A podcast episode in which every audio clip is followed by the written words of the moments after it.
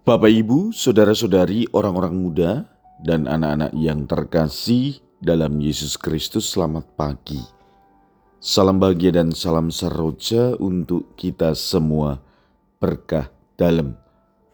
Bersama dengan saya, Romo Antonius Garbito Pambuaji, menyampaikan salam dan berkat Allah yang Maha Kuasa dalam nama Bapa dan Putra dan Roh Kudus. Amin.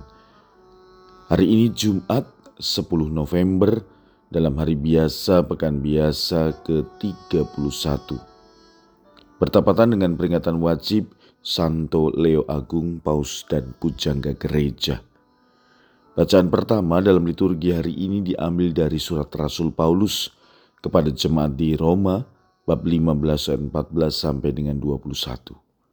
Bacaan Injil diambil dari Injil Lukas bab 16 ayat 1 sampai dengan 8. Pada suatu ketika berkatalah Yesus kepada murid-muridnya, ada seorang kaya yang mempunyai seorang bendahara. Kepadanya disampaikan tuduhan bahwa bendahara itu menghamburkan miliknya. Maka si kaya itu memanggil bendaharanya dan berkata, Apakah yang telah kudengar tentang dirimu?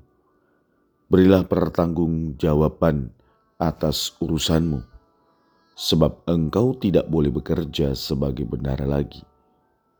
Berkatalah bendara itu dalam hatinya, apa yang harus kuperbuat? Tuanku memecat aku dari jabatanku, mencangkul aku tidak dapat, mengemis aku malu. Aku tahu apa yang akan kuperbuat, supaya apabila aku dipecat dari jabatanku sebagai bendahara, ada orang yang mau menampung aku di rumah mereka. Lalu ia memanggil satu demi satu orang yang berhutang kepada tuannya. Berkatalah ia kepada yang pertama, Berapa besar utangmu kepada Tuanku? Jawab orang itu seratus tempayan minyak. Lalu kata bendara itu, inilah surat utangmu. Duduklah dan buatlah surat utang lain sekarang juga lima puluh tempayan. Kemudian ia berkata kepada yang lain, dan saudara berapa utangmu? Jawab orang itu seratus pikul gandum. Katanya kepada orang itu, inilah surat utangmu. Buatlah surat utang lain delapan puluh pikul Bendara yang tidak jujur itu dipuji tuannya karena ia telah bertindak dengan cerdik. Sebab anak-anak dunia ini lebih cerdik terhadap sesamanya daripada anak-anak terang. Demikianlah sabda Tuhan, terpujilah Kristus. Kalau kita mendengarkan secara spontan atau membaca secara cepat tanpa memahaminya dan mendalaminya, juga merenungkannya, mungkin kita akan mengatakan, "Wah, Yesus menyetujui dan mendorong perilaku korupsi." Tentu tidak demikian.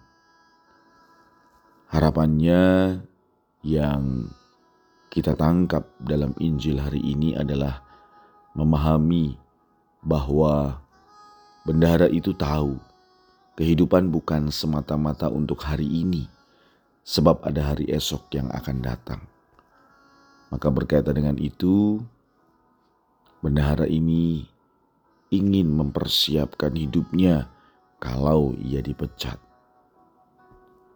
Maka saudara-saudari yang terkasih, sebagai murid Kristus, mari kita berusaha sungguh hari demi hari mempersiapkan diri untuk hidup yang akan datang.